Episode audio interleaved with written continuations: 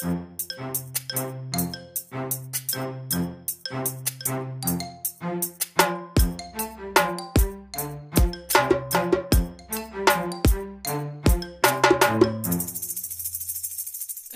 varmt välkommen tillbaka till Stacken tillsammans med mig, Daniel Gustafsson och Kim Hindart. Hubba. Idag Kim ska vi börja med en liten disclaimer eller förtydligande som vi kallar det på svenska om att när vi refererar till en eh, artikel eller person eller en åsikt eller en källa av någon slag i det här avsiktet så refererar vi till just den specifika händelsen och åsikten. Inte nödvändigtvis att en association till den personens allmänna tycke och tänke i allt den personen tycker och tänker är något som vi ställer oss bakom i det här eh, poddserien, utan just den specifika kanske uttrycket, åsikten eller på något sätt eh, input som vi tar med oss och tycker att det där håller vi med om. Då är det just den händelsen eller den åsikten eller just den saken som vi ställer oss bakom i podden när vi gör det. Är det något du vill lägga till där Kim? Nej, det här är ju mer bara värt det allmänna statet att det är viktigt att påpeka det här för att vi har blivit på, påpekade att det kan lätt tolkas som att om vi tycker person A sa något bra, då tycker vi allt de gör är bra. Då tycker vi allt de gör i framtiden kommer att vara bra. Och så avgudar man dem. Det har blivit lite en trend tycker jag på ett jobbigt sätt om det här med att man verkligen, verkligen inte kan hålla isär. En person A kan göra bra saker och dåliga saker. Jag har aldrig stött på en människa som bara alltid är bra och aldrig är dålig. Eller tvärtom. Eller alltid tvärtom. är dålig och gör ingenting bra. Mm. Men jag vet att det är extremt kontroversiella ämnen. Och ja, absolut, jag håller helt med. För att vill man vara jätteprovocerande så kan man säga att Hitler gjorde faktiskt bra saker också. Och då blir man jätteupprörda saker. Och jag säger, då behöver man inte ta sånt extremt ämne, för jag håller med. Tar man in Hitler i en argumentation har man förlorat. Mm.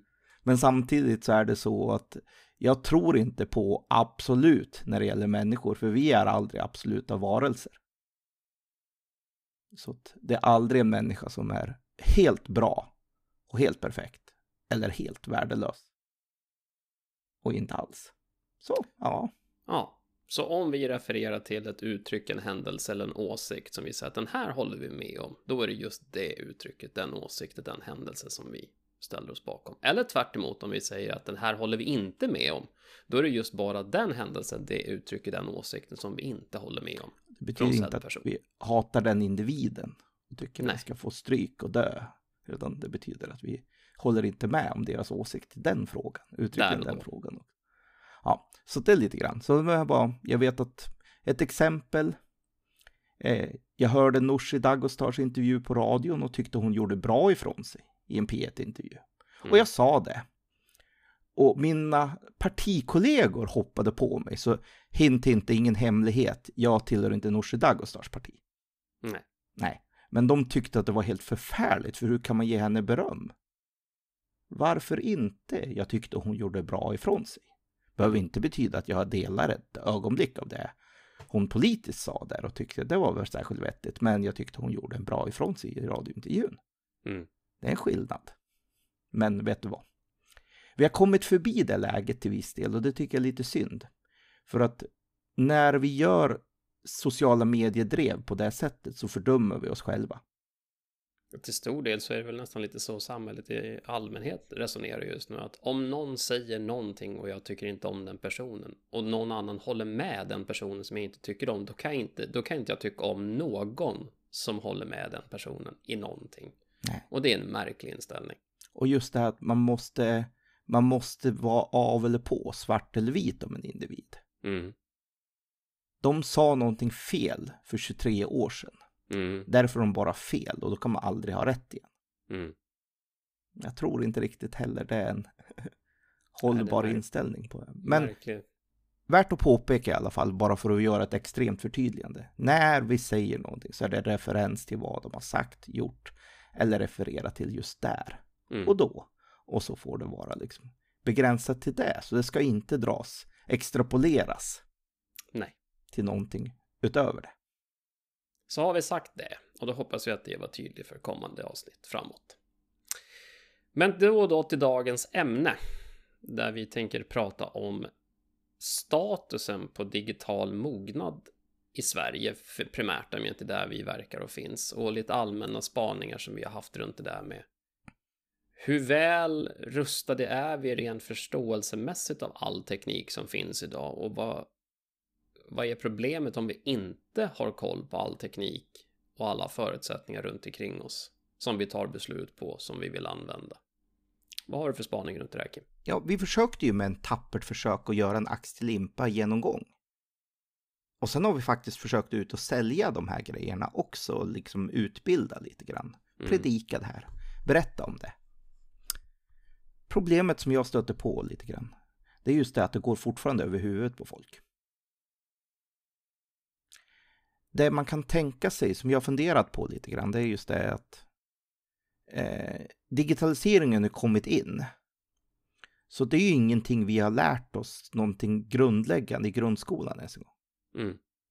Vi som hann passera grundskolan när det inte fanns digitalt i den bemärkelsen riktigt, så att det var någonting som gemene konsument konsumerade.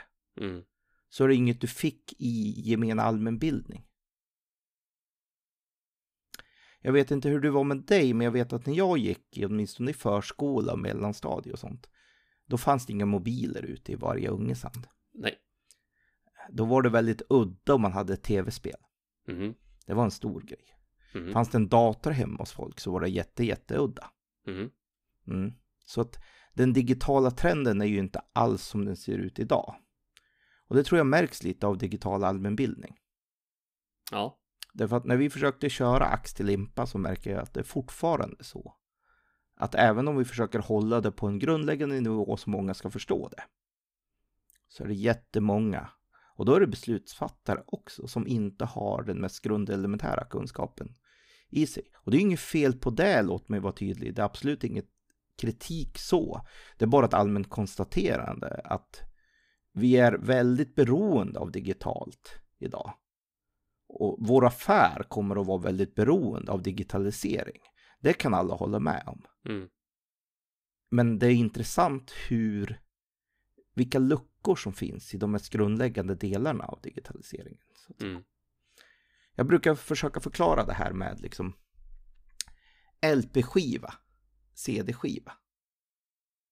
Och nu vet jag att alla kids där ute, ni kommer att ifrågasätta vad en LP-skiva för någonting och sen så kommer en mer kids att ifrågasätta vad en CD-skiva för någonting. Mm. Ja, absolut, det var så man hade musik en gång i tiden man, man konsumerar musik ut ur en högtalare. Det var, det var så det gick till en gång i tiden. Men vet ni vad, ni kids som inte känner igen varken LP eller CD-skiva. Ni är födda i en digital tidsålder där ni har lite lättare att hänga med här kanske, så att vet du vad. Mm. Nu talar vi till publiken som faktiskt kommer ihåg en LP och en CD-skiva. Här ska vi vara medvetna om att en LP-skiva, det är ju inspelat ljud som är ett mönster i skivan, som ett mm. litet stift vibrerar. Det är ju en ren signal som sker på grund av ett litet stift vibrerar enligt ett mönster. Som sen förstärks och genererar ett ljud som man skickar ut. I den gamla hedliga vevade grammofonen så var det ju en stor tratt, så då var det ju bara att stiftet faktiskt vibrerade som skapade hela ljudet i sig och sen spelades det ut i en stor tratt ja, moderna elektriska LP-spelare har ju lite mer elektronik i sig då. Men det man säger det är att det fortfarande är en analog signal. Och vad menar man då med en analog signal? Jo, det är att det inte är en massa ettor och nollor. Mm. Vad är då skillnaden mellan en CD-skiva? Ja, en CD-skiva är ju ett sätt att lagra digital information.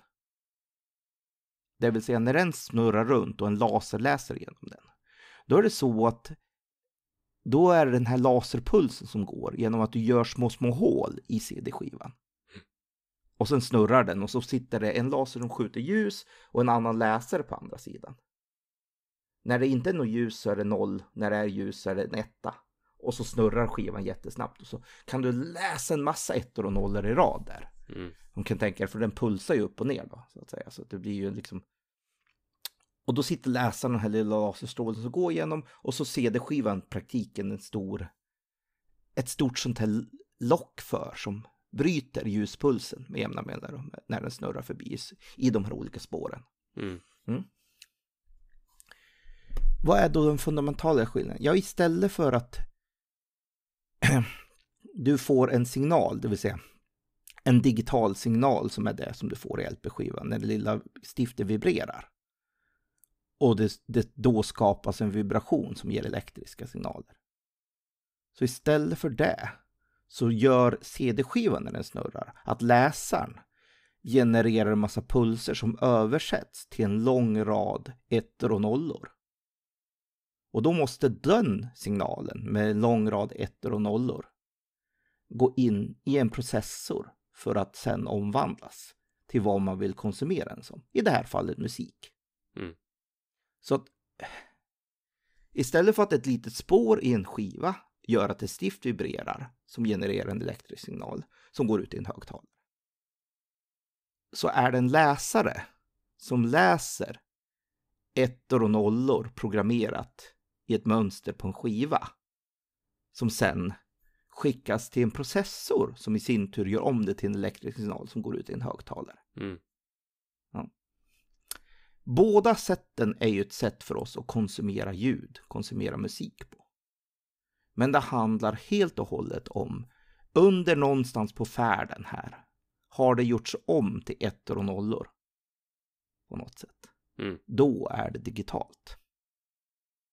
Varför pratar vi om just den här grundkursen i vad som är egentligen digitalt? Jo, för att vad händer om vi inte förstår hur faktiskt en dator fungerar? Mm. Då har vi än svårare att förstå hur ett program fungerar. Och varför måste vi förstå hur program fungerar i dagens läge? Det kan man ju bara låta programmerare göra, eller vad säger du då? Ja, eller hur? Varför låter vi inte bara dem bestämma allting, call the shots liksom sådär? Men i grund och botten så är det som så, ska vi ha en förståelse för det, vilken typ av program ska vi ha? Vad är rätt för oss? Vilka beslut ska vi ta? Hur ska vi bygga upp vår digitala framtid?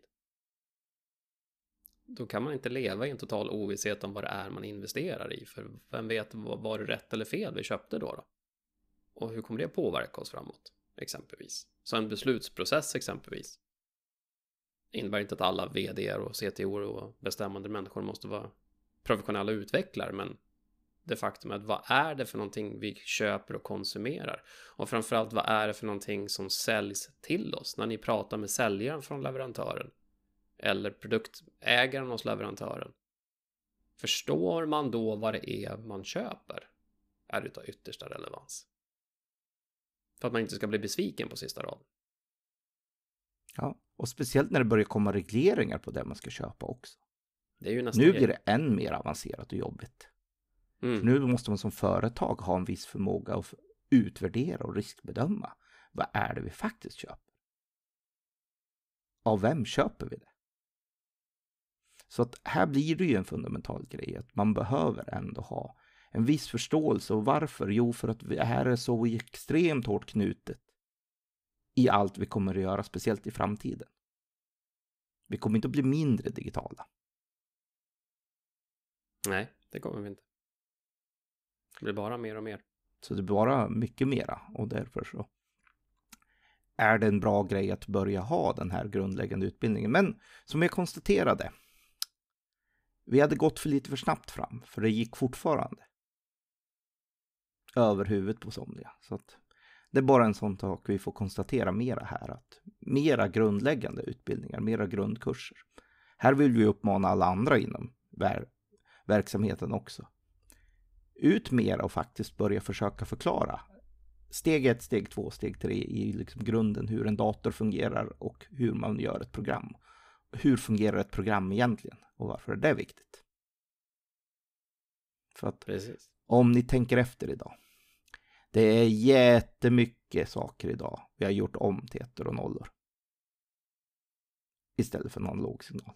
Mm. Ja, verkligen. Hur många av er kommer ihåg videokassetter? Ja, precis. Några stycken. VHS-kassetterna eller? Ja, Kassettbanden vi lyssnade på musik en gång i tiden. Och vad har hänt med dem? Ja, just det, de finns inte kvar. Så att där är det lite grann. Inte ens vår tv-sändning är analog längre. Till och med det man säger markbunden tv är digitalt sen. Mm. Det är en digital signal, det är en lång signal med ettor och nollor och ingenting annat. Mm. Ja. En gång i tiden var det inte så, men fair enough.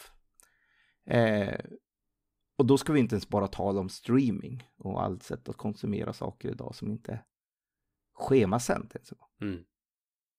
Så här har vi liksom så att det är. Så det är väldigt mycket som nej som görs om faktiskt. Och här är ju det som är hela grejen med en dator idag.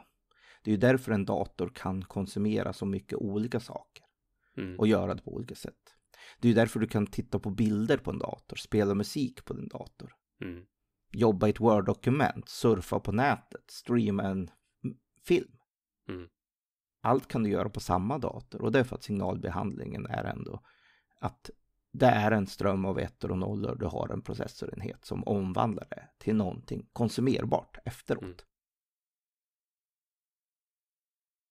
Så ja, Men hur ska gemene man förstå allt det här och framförallt vad de får nytta av det på sista raden? Även om de förstår exakt hur en CD-skiva funkade eller hur en dator konsumerar data. Vad, vad, vad är vinsten? Vad, vad, varför tar vi upp det här som ett... Ja, det är lite grann... Jag, jag menar så här. Folk idag behöver inte veta hur man bygger en bil.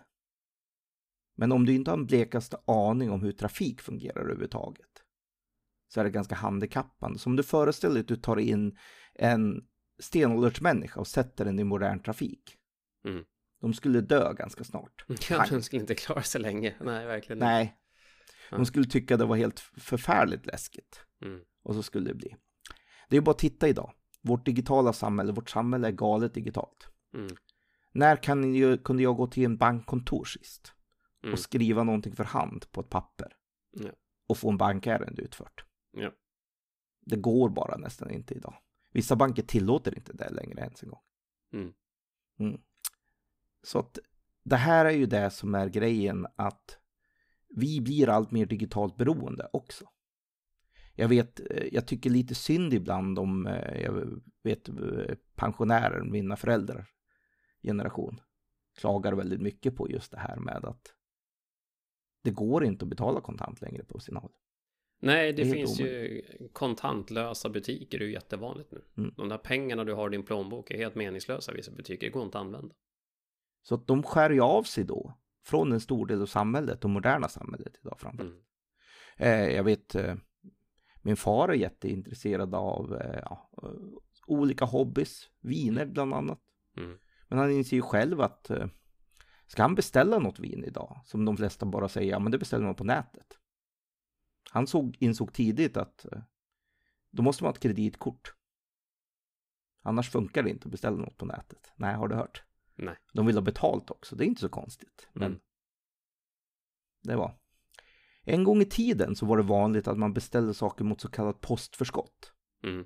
Man gick till butiken och betalade i butiken. För det man skulle hämta ut. Och då gav butiken dig ett paket du beställt på postorder. Ja. ja. Den hanteringen är kn- knappt kvar längre. Nej. Det var länge sedan jag såg något sånt. Mm. Så ja. Ja. Så där är det ju så att säga så att vi blir allt mer och framförallt när samhället rullar på så tar det allt mer för givet att vi vet hur man hanterar det, digitala. Mm. Och då är det ju en sak att kunna bara leva i världen och, och lära sig mekaniskt hur det går till, hur man gör. Men Mm. det finns också en värdepoäng med att man, om man leder en verksamhet, faktiskt förstår lite bakgrunden hur saker hänger ihop. Mm. Av någonting som är kritiskt för ens verksamhet. Mm. Och då vill jag utmana någon som säger digitalt är inte kritiskt för vår verksamhet. Ja, jag vill hitta någon verksamhet idag som vågar säga det rakt ut och säga att minsann, digitalt för oss är inte kritiskt för vår verksamhet alls.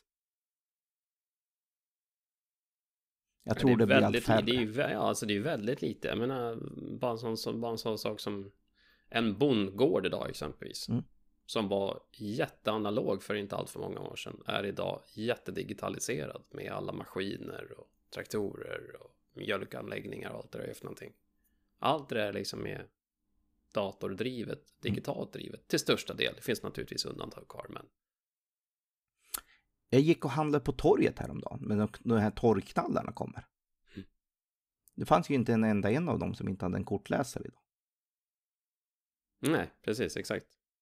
Du kan inte sälja saker på ett svenskt torg utan att du måste ha en kortläsare. Mm. eller Swish eller vad du vill ha för någonting. Ja, ja Swish mm. eller kortläsare, men kontanter, nej. Folk nej. bär inte med sig det på. Så, så vad, gör, vad gör vi åt det här nu då? För att få upp den digitala kompetensen så att vi förstår vad det är vi köper, konsumerar och framförallt innan vi sätter en digital strategi för en plan för vad vi ska göra, att vi faktiskt förstår vad det är för tjänster vi behöver, inte bara praktiskt och ur ett tekniskt perspektiv, som du säger, även som matchar lagar som saker. Vad, vad, måste vi göra för att få, få upp den här kunskapen? Vi lär oss. Och vi måste mm. våga vara öppna med att vi inte kan. Det är helt okej okay att man inte kan. Mm. Och det är helt okej okay att säga att vi vill lära oss. Här är det jättesvårt. För att det låter ju som jättelätt när vi ger rådet, ja men det är bara att vara öppen och sårbar och berätta att du inte kan något. Mm. Nej, det är en utmaning. Det gör väl alla människor bara ja, sådär? Ja, verkligen. alla bara står varje dag och berättar när vi inte kan och jättesårbara, men egentligen så vet vi med oss att allihopa, oss inkluderat, nog nästan på dagligdags hävdar att vi kan mer än vad vi egentligen gör. Mm -mm. För att man inte vill framstå som att man inte mm. är med på banan. Precis. Eller, eller så någon i rummet kan och mm. verkar jättekompetent och sen så vill man ju haka på den där diskussionen. Och så vill man ju inte vara den som ställer den där obekväma frågan. Skulle du verkligen vilja berätta lite vad du egentligen pratar om? För jag har ingen aning. Fast alla andra sitter och nickar runt bordet och säger ja, vi håller med, det var en bra idé. Och sen kan man nästan utgå ifrån att långt ifrån alla utav dem vara med på vad som diskuteras. Så det där är jättesvårt. Det, det är en mm. jätteutmaning för oss allihopa. Budskapet jag vill bara framföra det är att vissa fall kan man tycka ja, ja, ja, men det där kan experterna prata om och jag behöver inte förstå. När det gäller det digitala i dagens läge. Jo, du behöver förstå. Det är budskapet jag behöver mm. framföra. Mm. Det har kommit till den nivån nu att nu behöver vi faktiskt förstå det. Så pass så att vi kan klara oss och inte bli dödade i trafiken. Så mm. det är lite den, ja. Stenåldersmänniska, biltrafik. Ja, vi behöver. Mm. Vi behöver ha ett hum om hur saker och ting går till. Mm. Det är ingen som föds duglig att sätta sin bil och köra bilen. Mm. Du behöver ändå kunna följa med i ett visst flöde, ett visst rytm och ha en idé om hur den funkar. Mm. För att du ska kunna ta dig fram praktiskt i samhället idag jag menar, ta, ta en individ från romarriket. Det skulle ta dem en stund att komma på att du måste tanka bilen. Vi tar det som totalt självklarhet idag, men mm. det är inget som säger att bara, bara titta på en bil i sig så förstår du att jaha, det är det jag måste göra. Mm. Så det digitala har kommit och blivit en allmän trafik som finns i alla våras vardag, i alla våras hem. Och här är det tid att vi börjar lära oss lite grundläggande trafikvett. Mm. Det som jag vill säga framför allt är att det stora problemet är att det finns inga trafikregler digitalt, vilket är ett issue i sig. Ja, det, det, är lite, det är lite allas, allas tycke och sen så laglöst på något sätt. Ja, precis. Mm. Ja. Det är inga, inga solklara för regler att följa. Mm. mm. Ja, som sagt, hitta då, var, var ska man vända sig då? För att få den där hjälpen. Om man bara ska lära sig, vart, vart ska man ta vägen någonstans? Vad gör ja, man? Det är nu Vem som är frågar roligt. man? YouTube.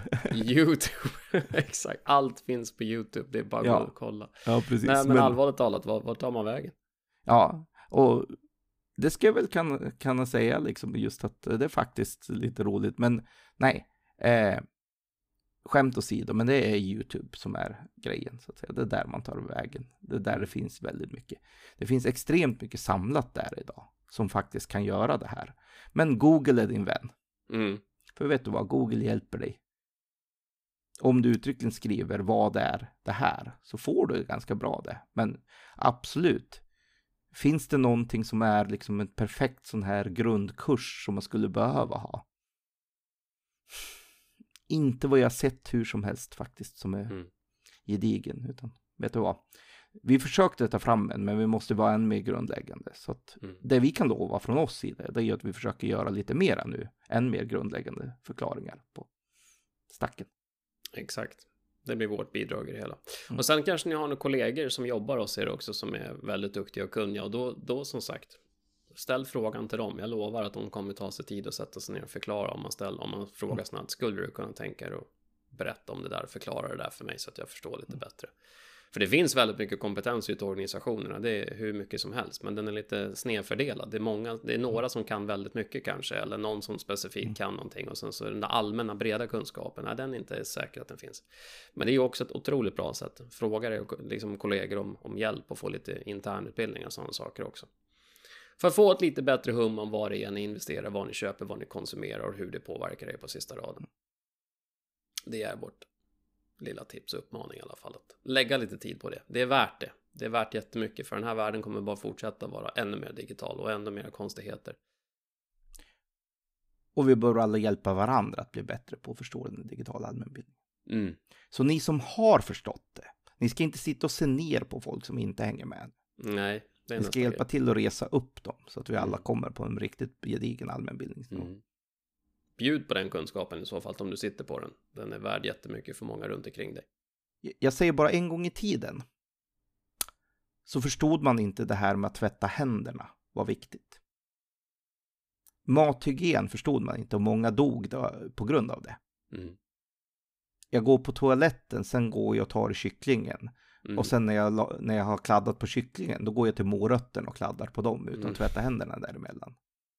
Det blir icke och det mm. finns risk att du råkar illa ut. Det här är grundläggande förståelse idag.